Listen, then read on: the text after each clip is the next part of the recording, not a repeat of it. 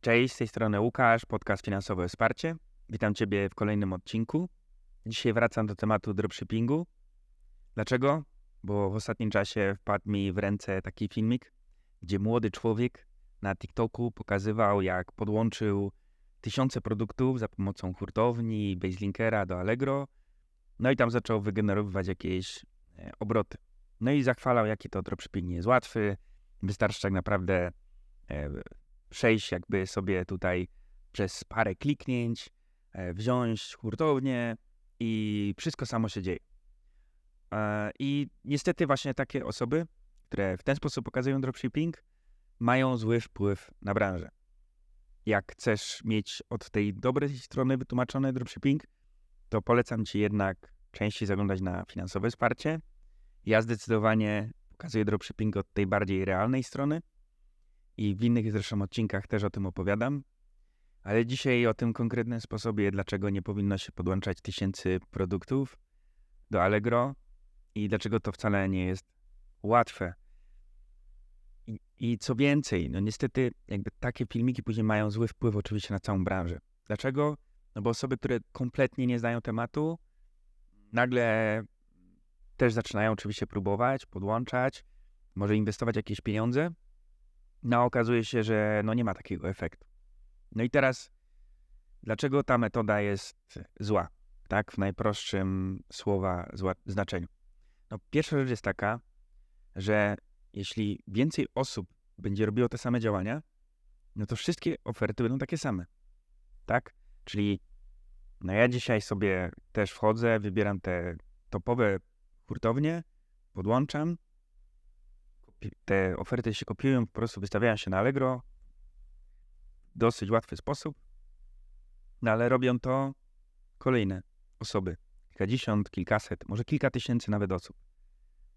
Czyli jesteśmy na jednym marketplace, gdzie oczywiście można sobie sortować e, te oferty i tak dalej w jakiś sposób, ale wszystkie są takie same. Jakby nic się nie zmienia. To gdzie jest e, patent na to, żeby zacząć się czymś wyróżniać? No właśnie. I oczywiście, teraz tak, w tym modelu, jeśli tak zaczniesz robić, to statystycznie i tak będziesz mieć sprzedaży. Bo statystyki znowu pokazują, że klienci nie sortują, że coś tam, że czasami ktoś wejdzie po prostu, czasami przypadkowo na Twoją aukcję. Może jeszcze zainwestujesz właśnie jakieś pieniądze w promowanie, więc możliwe, że te sprzedaże będziesz mieć. Tylko jest jeden problem. Będzie mała marża. Tak? No bo nagle nie zrobisz jakichś super innych cen, skoro masz wszystko inne takie same. Opis, zdjęcia, tytuł i tak dalej, i tak dalej. Czyli wygenerujesz sprzedaże, ale działasz na niskim procencie marży. Dużo, duże obroty, ale z tego zarobku nie ma. I najczęściej zresztą tak jest w tych wszystkich filmikach, które ktoś pokazuje, obroty i tak dalej, że nie wiemy tak naprawdę, ile kto wydał, żeby w ogóle te oferty mu się sprzedały, tak? Czyli pierwsza, pierwsza taka najważniejsza rzecz, jaką musisz wyciągnąć, no, że nie chcesz być jedną osobą z tysięcy innych, tak? Mm.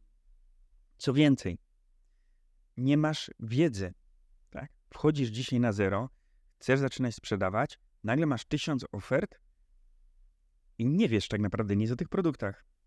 I teraz pierwsza rzecz, jaka jest, jeśli działasz na marketplace, to i tak klienci będą zadawali pytania.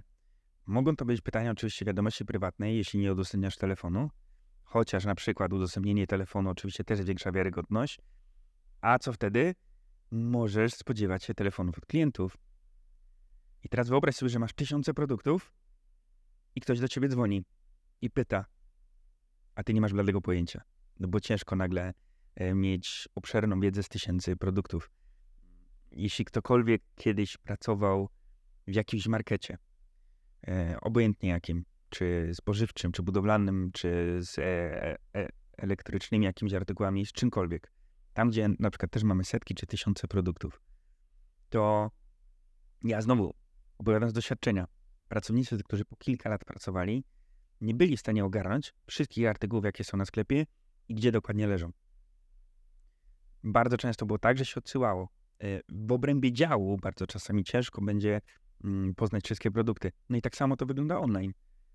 I teraz załóżmy tą sytuację, że klient wysyła do ciebie wiadomość im szybciej odpowiadasz na te wiadomości, tym znowu ten twój procent y, jakości konta rośnie. Jakość konta to jest normalnie mierzony współczynnik właśnie, jak szybko wysyłasz paczki, jak szybko odpowiadasz między innymi do klientów, więc im dłużej ta odpowiedź będzie trwała, tym twoje statystyki będą gorsze. Czyli znowu gdzieś twoje oferty tak samo będą niżej wyświetlane. Tak? No to już są te najważniejsze argumenty, które myślę, że powinny cię jasno przekonać, że coś tu nie gra, że trzeba nabrać e, takiej jakiejś refleksji.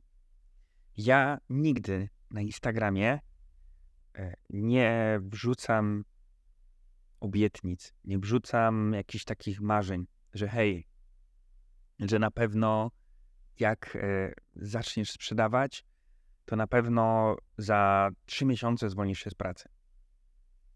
Są takie historie, tak, że ktoś faktycznie zaczyna, ciśnie naprawdę mocno temat, ale nie metodą podłączania setek losowych hurtowni, tylko metodą jeden po jeden produkcie. Czyli rozsądnie i z głową.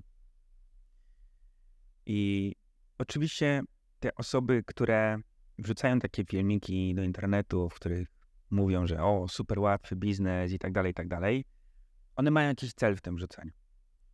Najczęściej to będzie taki cel, że na przykład chcą cię złapać na jakąś konsultację, może na jakiś mentoring, tak? Czyli hej, no, mi się udało, to pokażę ci, jak tobie może się też udać, tak? Robić takie obroty. Tylko, no właśnie, nigdy nie, nie wiesz tej dokładnej historii, czy ta osoba nie wrzuciła na przykład drugie tyle pieniędzy e, w reklamę, żeby w ogóle mieć jakieś wyświetlenia na tych swoich produktach. Poza tym, no zawsze statystycznie jest tak, że jak będzie jakaś sala 400 osób, to no też się okaże, że ileś tych osób, podłączając w ten sposób, no będzie miało po prostu te wyniki, tak? Bo na przykład, nie wiem, wybierze akurat jakąś tam bardziej może niszową hurtownię, albo faktycznie zacznie coś zmieniać w tych produktach, no bo wtedy dopiero, kiedy zaczynamy coś zmieniać w tych produktach, które wystawiamy, zaczynamy się wyróżniać, zaczynamy tworzyć ogłoszenia, podnosząc wartość tych produktów, wtedy mamy większe szanse, że klient przyjdzie do nas i kupi u nas produkty. Zawsze jest tak, że generalnie jak ktoś coś wrzuca do internetu, to musisz wiedzieć, że on ma jakiś cel. Może to nie być zawsze jakaś sprzedaż, ale to może ktoś niewinnie na przykład coś wrzucać, że on faktycznie jest, nie wiem, podekscytowany, bo coś mu się to udało. Ale najczęściej tam jest jakieś zawsze drugie dno. I te niestety osoby mogą psuć model, który naprawdę jest fajny. Model, w którym naprawdę można zacząć od zera. Nie trzeba inwestować żaden baselinker na początku. Nie trzeba podłączać żadnych hurtowni, bo miejsc, skąd można brać produkty i zacząć sprzedawać, jest mnóstwo.